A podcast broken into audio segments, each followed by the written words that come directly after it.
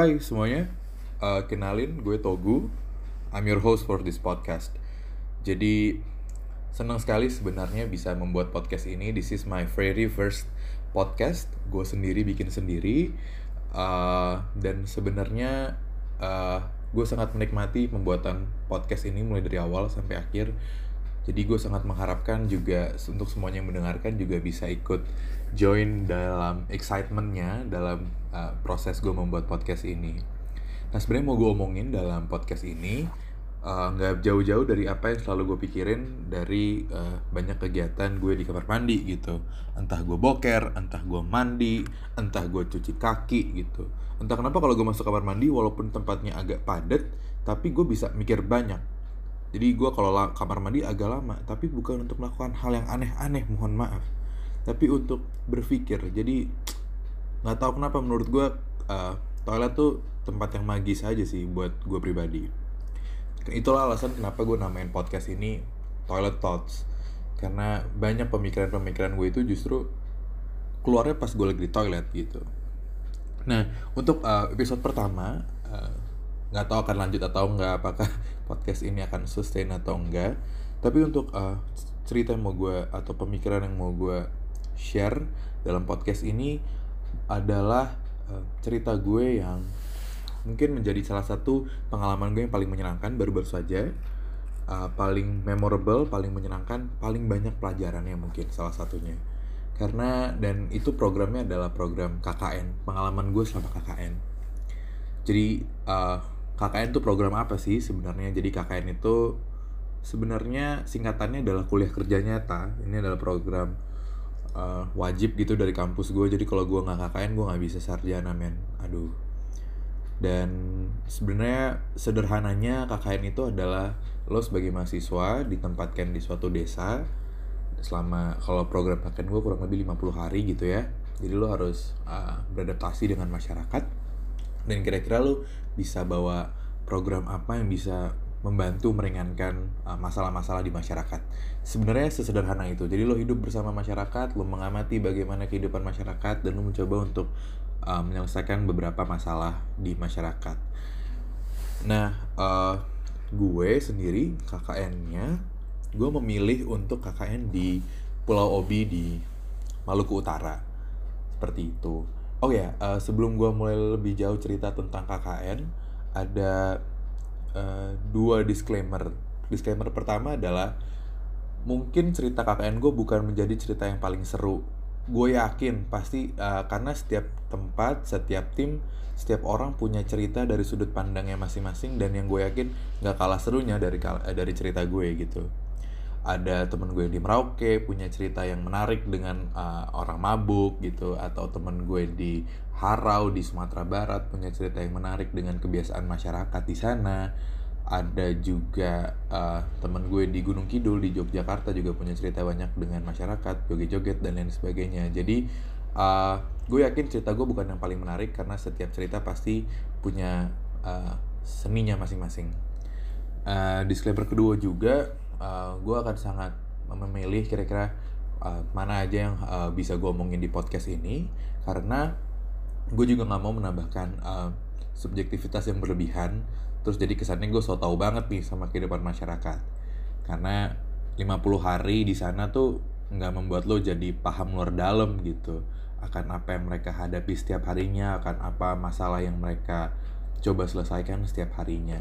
Jadi mungkin itu yang bisa mengantarkan kita ke cerita KKN gue. Nah uh, ngomongin tentang KKN dan tempat KKN gue yang adalah di Pulau Obi di Maluku Utara sebenarnya gue juga bingung sih kenapa gue bisa end up uh, berangkat ke Pulau Obi gitu. Karena uh, gue yakin uh, sebenarnya motivasinya sederhana aja sih. Karena pertama uh, gue pengen dari awal tuh KKN ke Indonesia Timur. Tapi bukan Papua karena kok kayaknya udah banyak nih teman-teman yang ke Papua kayak interest ke Papua tuh udah sangat banyak tapi menurut gue masih ada uh, daerah-daerah lain di Indonesia Timur yang tertinggal juga dan belum banyak mendapatkan exposure jadi uh, itu salah satu alasan kenapa gue gak ke Papua tapi instead gue ke Maluku kemudian yang kedua kok gue juga ngeliat nih kayaknya di Maluku nih uh, apa ya uh, isu-isunya tuh serupa lah sama apa yang dirasakan sama teman-teman saudara-saudara kita di Papua. Uh, jadi kayaknya seru aja kalau gue bisa uh, bisa hidup bareng melihat masalahnya dengan mata gue sendiri. Uh, jadi emang mungkin bisa dikatakan gue mencoba untuk jadi anak indie gitu, mau beda sama orang lain. Yang lain ke Papua, gue kok ke Maluku gitu. Dan Malukunya juga bukan Maluku Ambon, tapi Maluku Utara uh, uh, Maluku Utara dan Maluku tuh punya uh, latar belakang budaya yang sangat berbeda. Gue pikir kayak Maluku tuh satu, ternyata uh, dua aja walaupun beda provinsi Maluku Utara Maluku, Maluku biasa, mereka punya uh, pengaruh budaya yang luar biasa yang sangat berbeda. Jadi lu nggak bisa menyamakan orang Maluku Utara dan orang Maluku sebenarnya. Nah, kemudian motivasi yang ketiga juga karena gue ngerasa uh, kalau denger-denger dari ceritanya nih tempat KKN gue nih kaya banget gitu, kayak uh, ada emas, ada nikel, ada uh, semua mineral-mineral yang mahal tuh nggak tahu kenapa ada aja di pulau gue. Terus di pulau tempat gue KKN sorry. Kemudian juga uh, di sana juga lu nanam apa aja katanya tumbuh men. Jadi kayak wah ini tanah apa ini, pulau apa ini, apakah ini tanah terjanji kan saya juga sempat penasaran gitu kan. Jadi uh, tapi walaupun mereka kaya tapi manajemennya sangat buruk gitu jadi uh, sangat kontras apa yang mereka punya dan apa yang mereka punya sebenarnya dalam uh, tanah mereka dengan apa yang mereka bisa nikmati dari hasil mereka sendiri dari hasil bumi mereka sendiri. Jadi uh, apa pun ada di sana kecuali budaya asing kali ya. Di sana nggak ada budaya asing sama sekali. Gue nggak pernah ngeliat ada orang yang terpengaruh budaya Korea atau terpengaruh budaya Amerika. Semua budaya Maluku Utara. Jadi sangat genuine di sana. Nah, tempat gue ini kan Pulau Obi cukup jauh ya sebenarnya cukup remote. Gue bisa bilang cukup remote lah, tapi mungkin nggak paling remote dari semua tempat KKN. Jadi uh, karena Obi ini tempatnya di Maluku Utara, jadi how can I get there tuh sesederhana gue tinggal uh, naik pesawat aja sih sebenarnya dari Jakarta ke Ternate. Ternate itu adalah ibu kota provinsi di Maluku Utara gitu ya. Uh, jadi uh, flightnya tuh kurang lebih 4 jam lah di udara gitu. Jadi lo berangkat kalau gue dulu pesawatnya berangkat jam setengah dua pagi dari Soekarno Hatta. Kemudian gue sampai jam I don't know kayaknya jam 7 atau jam setengah 8 pagi waktu Indonesia Timur waktu Ternate kayak gitu. Ada perbedaan waktu dua jam lah ya antara Jakarta dan Ternate. Nah tapi perjalanannya ternyata kok belum selesai nih. Jadi masih panjang banget sampai gue bisa sampai di Pulau Obi. Jadi setelah gue nyampe jam 7 setengah 8 gitu uh, gue harus naik kapal men sebenarnya. Jadi gue harus naik kapal ke Pulau Obi pulau gue nah tapi uh, kapalnya itu baru berangkat itu malam jam 9 malam. Dan gue harus ngabisin kurang lebih 18 jam di kapal sampai gue di uh, untuk gue bisa sampai di Pulau Obi gitu ya. Jadi berangkat jam 9 malam kemudian sampai keesokan harinya jam 3 sorean di Pulau Obi. Kurang lebih ada 18 jam lah gue habiskan di atas kapal gitu dengan kurang lebih ada empat, dua kali bersandar lah kapal di pelabuhan. Uh, jadi kurang lebih istirahatnya tuh 4 jam lah. Jadi kalau yang di atas kapal benerannya mungkin cuma 14 jam tambah 4 jam istirahat di pelabuhan uh, perantaranya gitu ya. Nah kemudian setelah gue sampai di Pulau Obi keesokan harinya jam 3 sorean gitu gue dijemput temen gue dan belum sampai juga ternyata karena pelabuhannya itu baru sampai di kecamatan Obinya belum sampai di daerah desa tempat gue KKN gitu. Dari pelabuhan ke desa gue itu kurang lebih satu jam setengah naik mobil. Dan ngelewatin hutan-hutan ngelewatin jalan yang sebenarnya cukup berbatu juga. Jadi kalau hujan lumpur semua. Jadi cukup bahaya sebenarnya tapi mungkin awal-awal tuh ngerasanya kayak uh adrenalin nih gitu ya. Tapi makin ke sini kok makin ngerasa hmm sulit gitu. Tapi nggak apa-apa tapi uh, itu pengalaman pertama gue uh, perkenalan pertama gue ke Plobi sangat menarik sebenarnya dari perjalanannya aja. Dan gue uh, sebenarnya seneng banget begitu gue sampai di desa gue desa gue di desa Anggai di Pulau Obi karena masyarakatnya luar biasa welcome. Jadi sebenarnya uh, kita ini uh, terdiri satu tim kan satu timnya ada 30 orang nah satu tim kita ini tuh dibagi di dua desa yang berbeda satu di desa Anggai yang predominantly masyarakatnya beragama muslim dan satu lagi di desa Air Mangga yang predominantly masyarakatnya adalah beragama Kristen Protestan.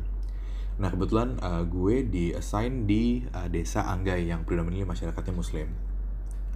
Ada 14 orang dari kita di desa Anggai dan 16 orang lagi sisanya di desa Air Mangga.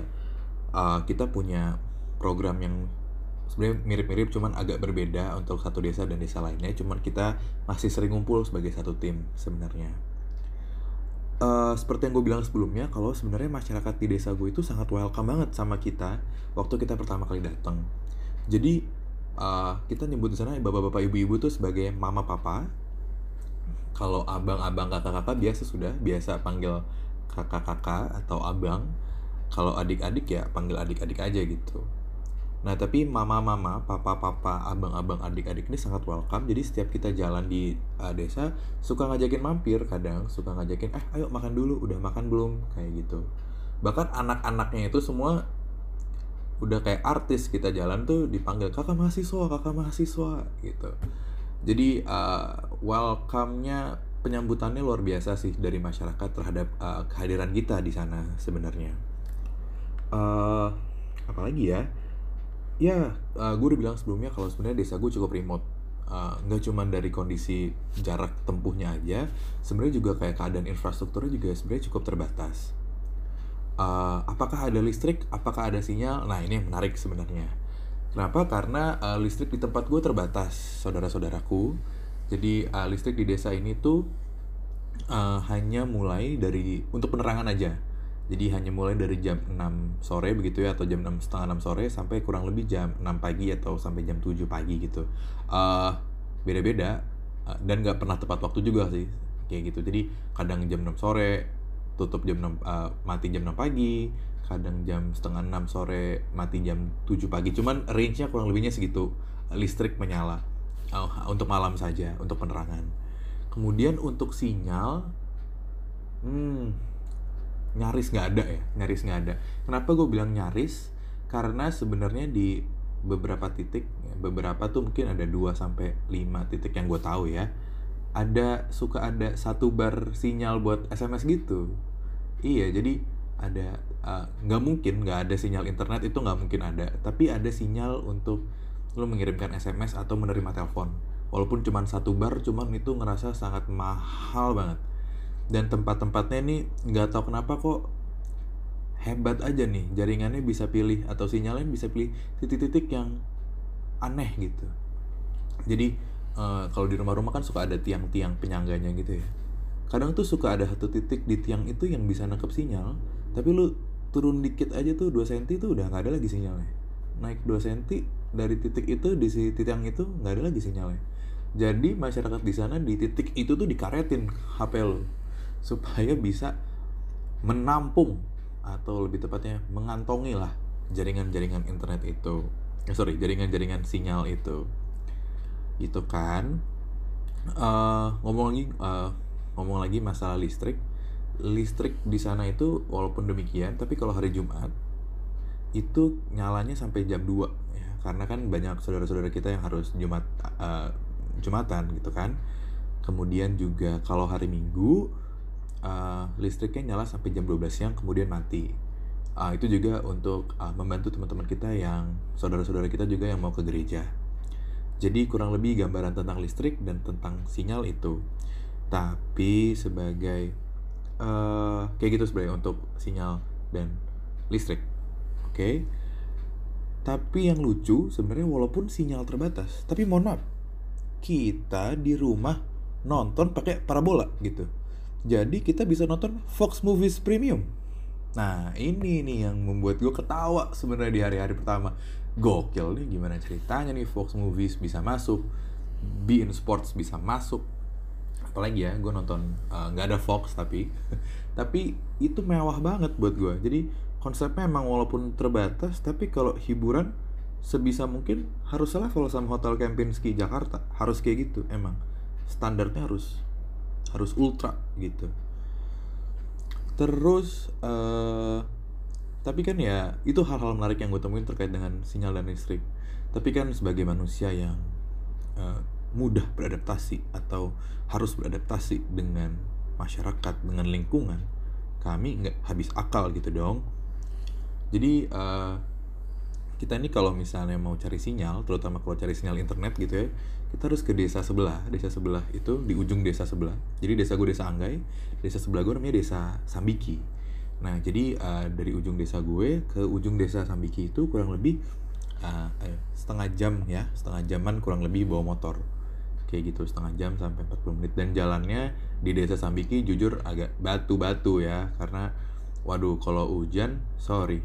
Kayak ada kolam pemancingan di tengah jalan gitu. Harus hati-hati banget gitu kan. Karena batu semua men. Dan licin kalau hujan. Itu uh, di ujung desa itu ujung desa Sambiki itu ada dermaga.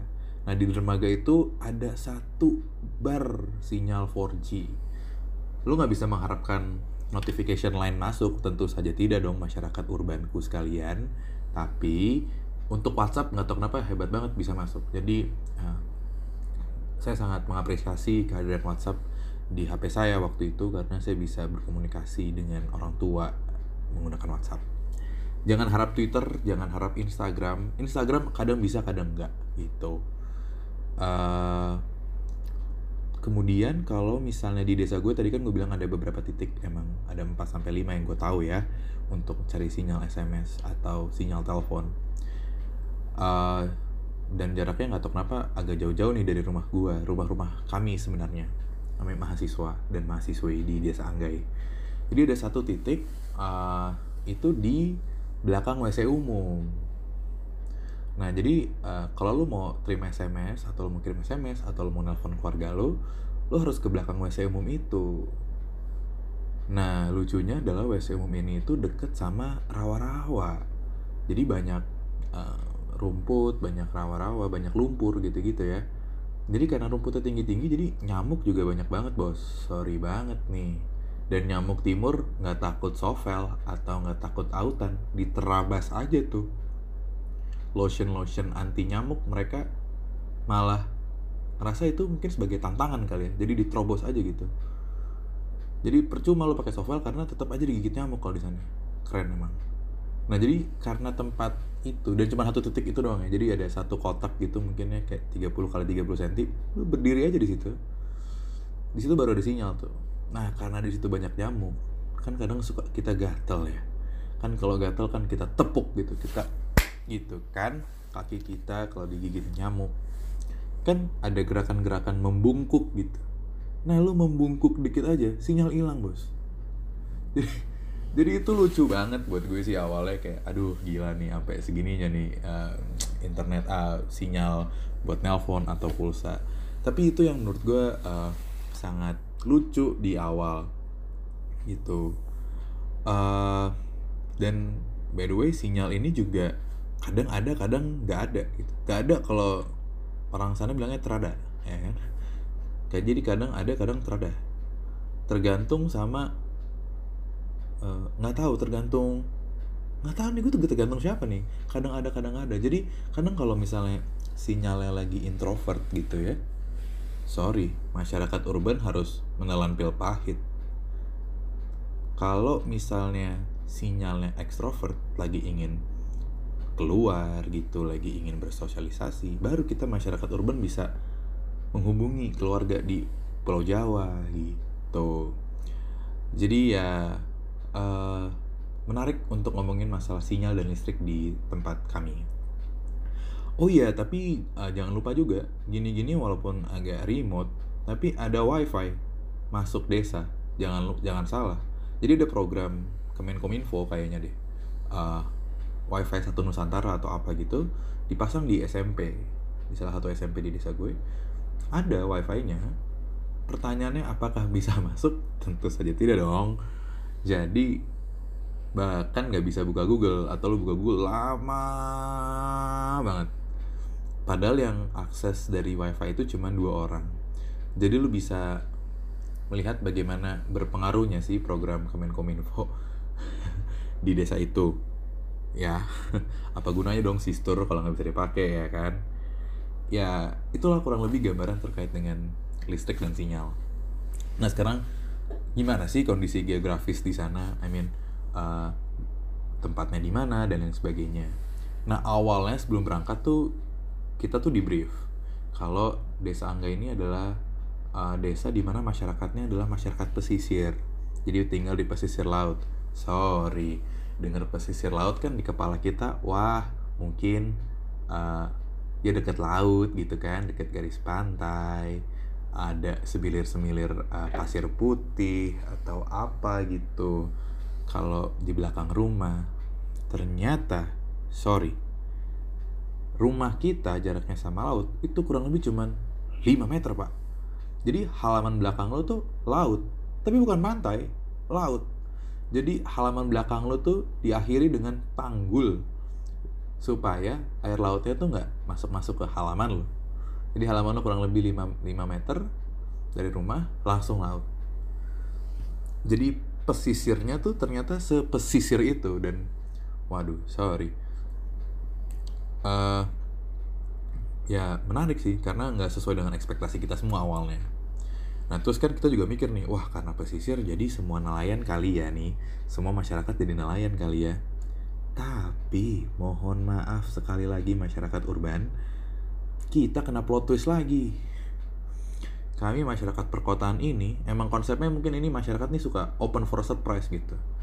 Jadi nyari ikan tuh atau menjadi nelayan tuh bukan pekerjaan utama mereka, tapi uh, pekerjaan utama mereka justru adalah berkebun dan uh, penambang emas lah ya kurang lebihnya.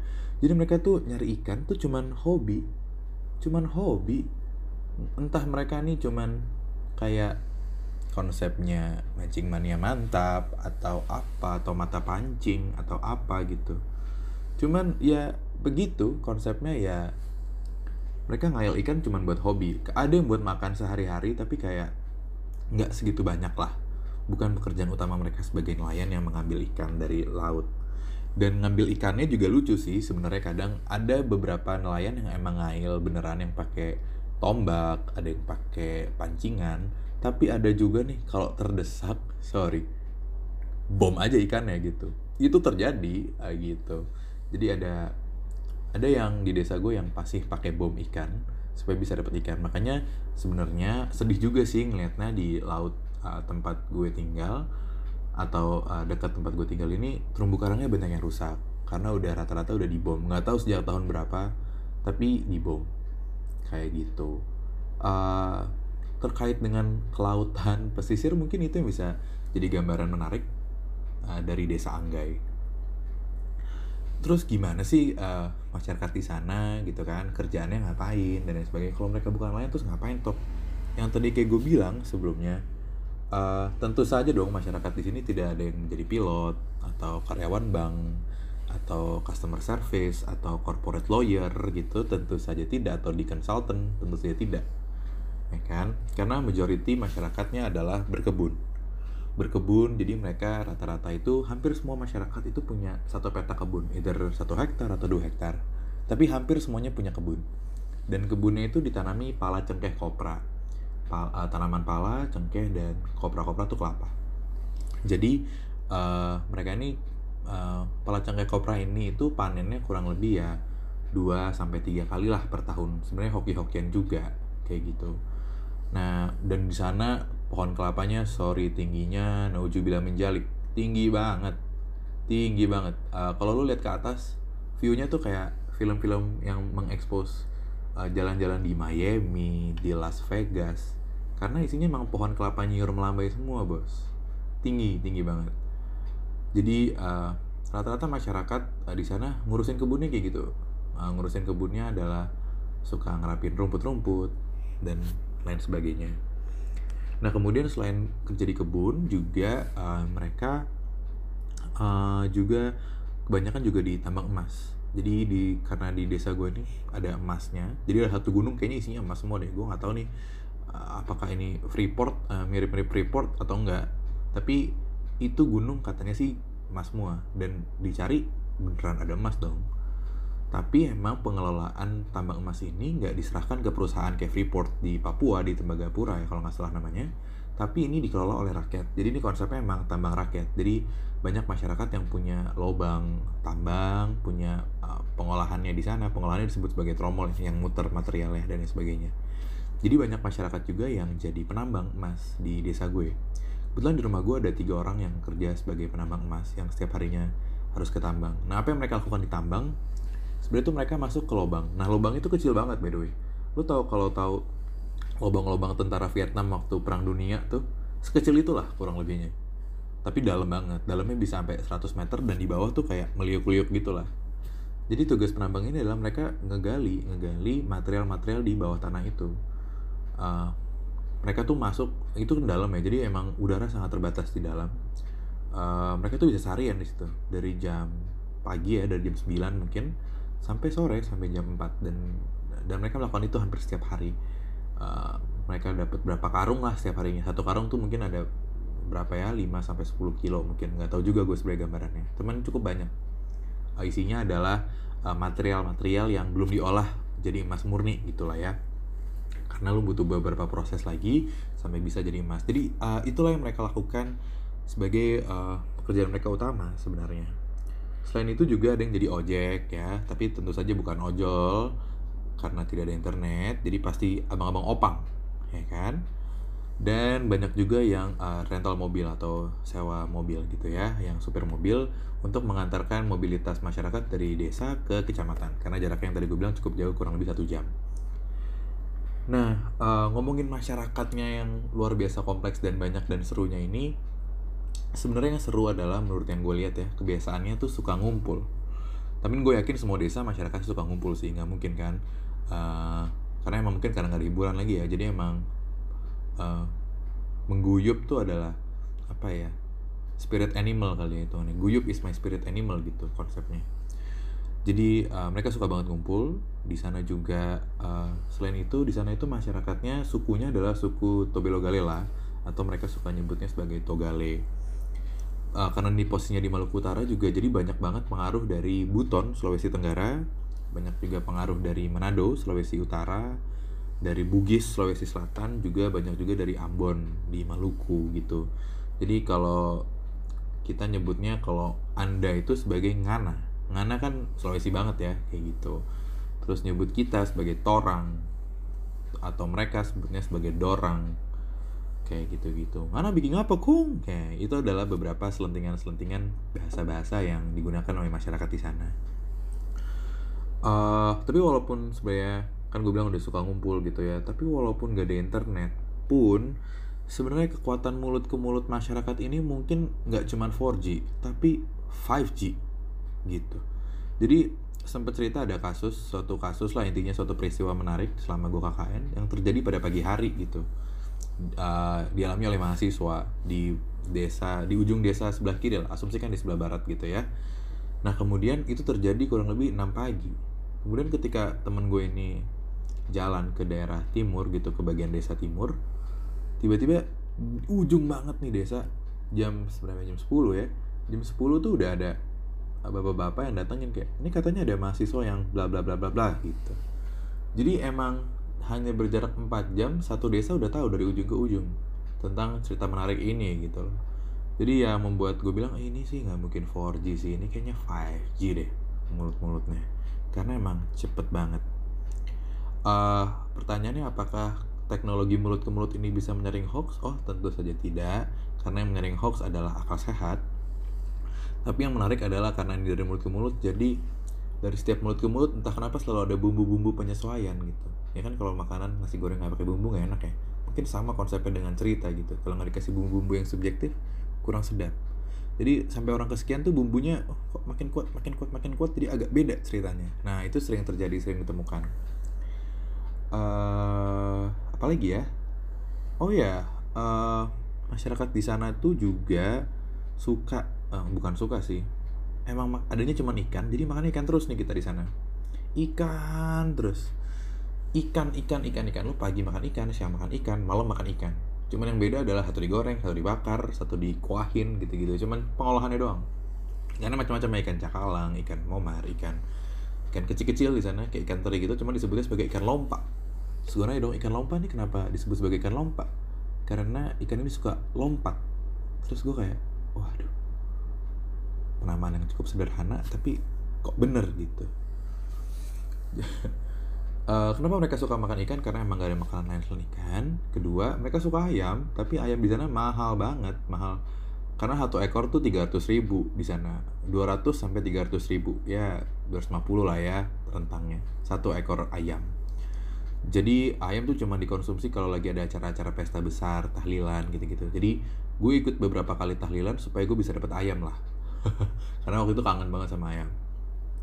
Dan juga karena ayam ini mahal, dan hanya digunakan untuk momen-momen penting jadi ayam ini mungkin dianggap sebagai aset gitu ya di masyarakat. Jadi kalau mati lampu kalau mati lampu tuh ayam-ayam tuh suka jadi target operasi anak-anak atau pemuda. Kan suka dicolong lah atau di mana gitu. Ya udah itu yang menarik sebenarnya dari ayam-ayam kampung. Bukan ayam kampus ya ayam kampung uh, dan ikan di sana juga kan banyak jadi agak murah di sana. Jadi ikan tuh gede-gede banget tuh. Ada yang segede dari bahu gua sampai sampai ujung jari-jari gua tuh. Berapa ya? Ikan cakalang tuh bisa sampai uh, itu harganya mungkin cuma 25 sampai 30 gitu. Jadi gede-gede banget dan harganya terjangkau lah. Kayak gitu. Dan di sana tuh kita sering banget diajak untuk bakar-bakar ikan gitu. Kita kayak bisa bakar ikan lama banget tapi seru seru banget. Kita bisa bakar ikan uh, di kali di pantai dan di tempat-tempat lain. Terus kita bakar habis kita bakar kita bikin bumbu-bumbu colo-colonya bumbu uh, cocolnya lah bumbu cocolnya.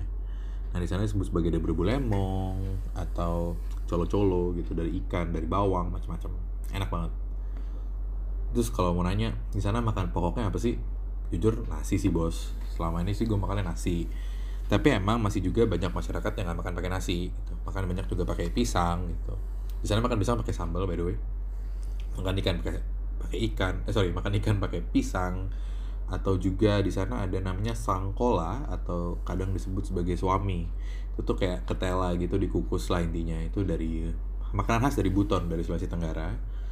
Dan sagu pun ada. Dan gue nyobain juga makan sagu di sana. Ya rasanya lucu juga sih ada sagu. Ya jadi gue udah nyobain semua makanan-makanan khas di sana lah yang disajikan sama masyarakat. Gue pengen coba banyak. Dan uh, setiap makanannya punya keunikannya masing-masing. Tapi tetap lidah gue lidah nasi sih. Lidah Indonesia nasi ya itulah pokoknya.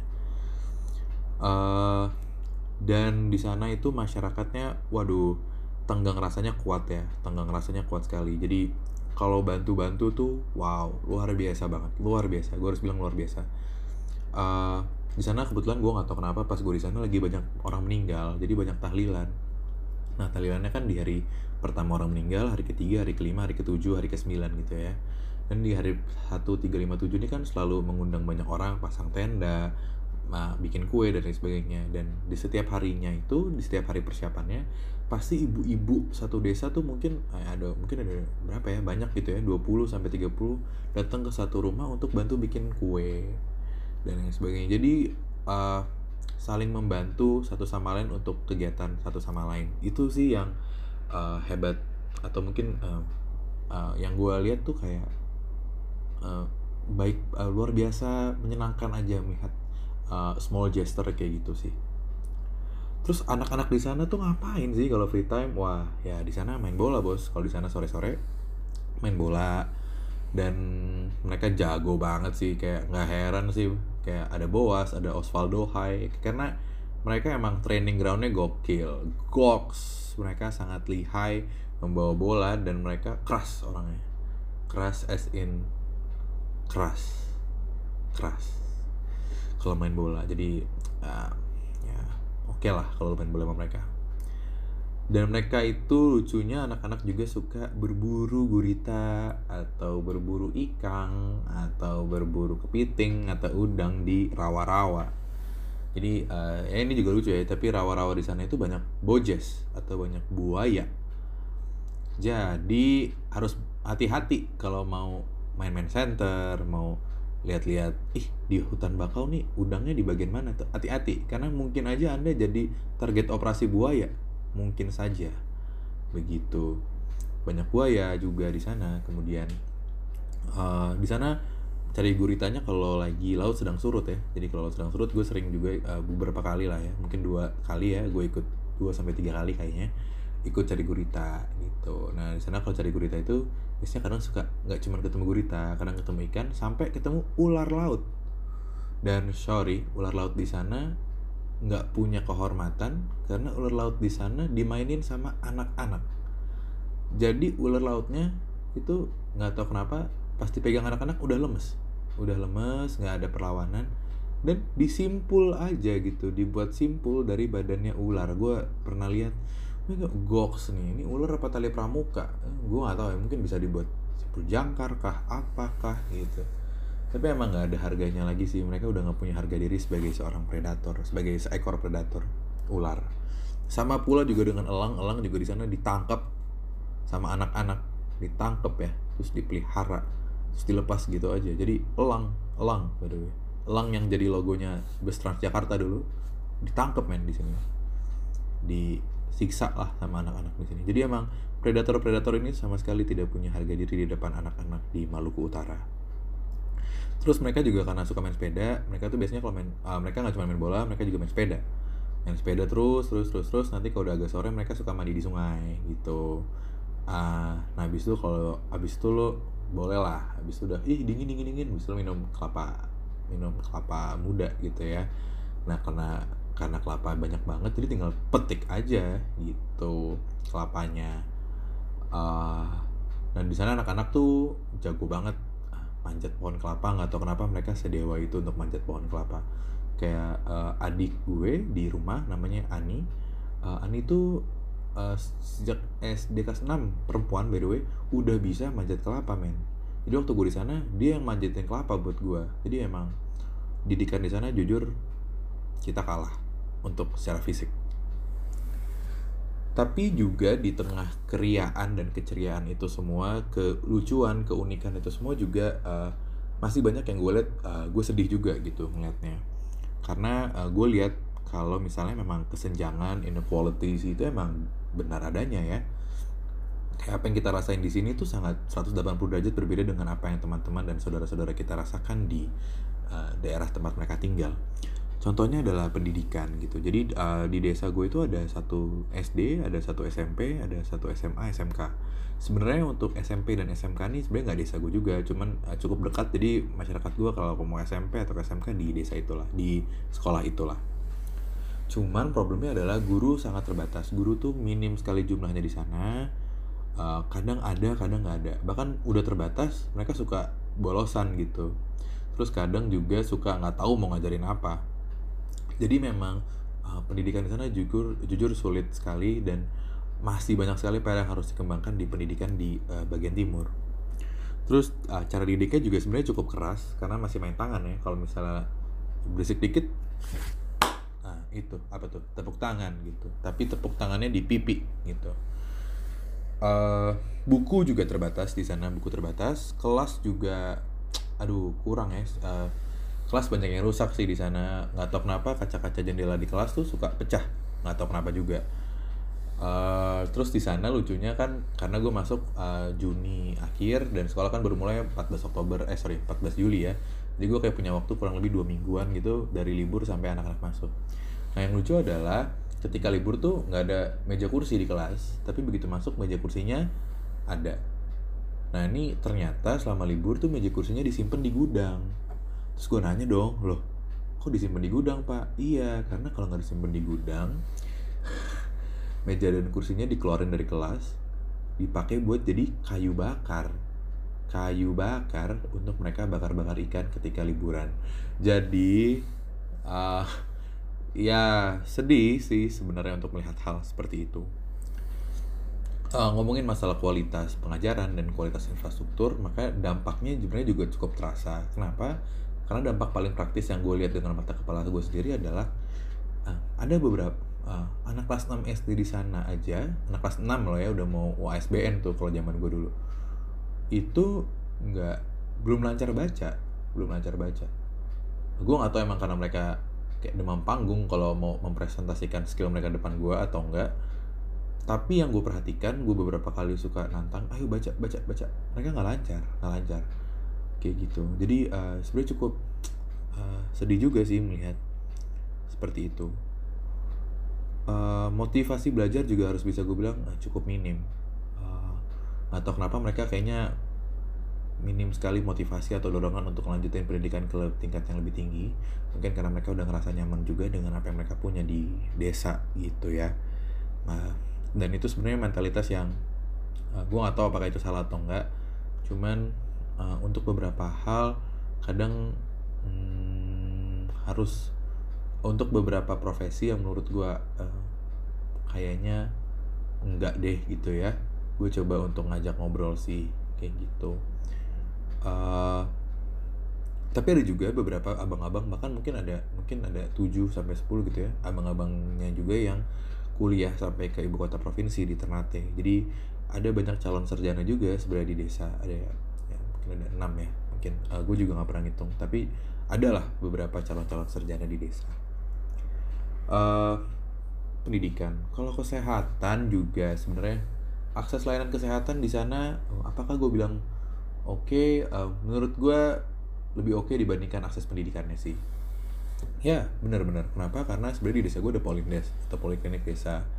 Cuman emang yang datang kan cuma ada bidan doang di sana ya dan itu cuma buka jam 9 pagi sampai jam 12 siang. So uh, sebenarnya lo nggak bisa rely banyak sama pelayanan polindes obat juga di polindes terbatas. Jadi the, uh, the only uh, layanan kesehatan yang bisa lo andalkan mungkin adalah adanya rumah sakit di uh, kecamatan yang jaraknya satu jam tadi gue bilang.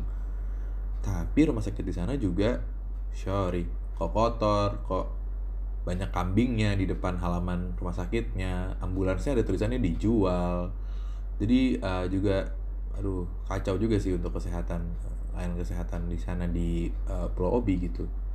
Jadi singkat cerita ada satu cerita menarik teman gue lagi sakit ada dua orang gitu ya. Uh, tersedak lah intinya tersedak sampai beberapa hari sampai mengganggu pernafasan. Agak sesak dan lain sebagainya. Jadi kami memutuskan untuk membawa mereka ke rumah sakit karena kami yakin kalau di Polindes kayaknya nggak akan diapa-apain nih tuh ya.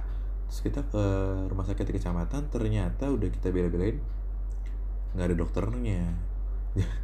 Jadi dokternya sedang pergi. Terus uh, akhirnya dilakukanlah konsultasi via handphone gitu via telepon. By the way karena di kecamatan pasti ada sinyal.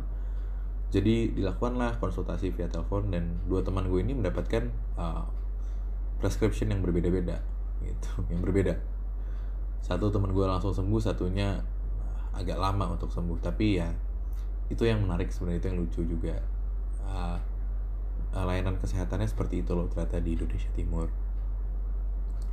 Uh, mungkin juga karena itu juga karena sangat terbatas layanan kesehatan, tenaga kesehatan dan lain sebagainya, obat dan lain sebagainya. Jadi orang sana sangat per, sangat mengandalkan orang pintar sih, orang pintar, orang pintar. Orang pintar di sana masih banyak asal sembar sembur, sembar sembur air tuh masih banyak. Dengan harapan akan sembuh. Ya yang kita tahu bersama kayaknya sangat minim kemungkinan lo sembuh gitu. Kalau cuma disembur sembur sembar sembur karena kan ya gue nggak tahu ya apakah mekanisme air liur dan air itu akan menyerap ke dalam pori-pori kulit lo dan menetralkan darah? Jujur gue nggak paham. Tapi uh, metode yang mereka gunakan orang-orang pintar ini adalah dengan semburan air.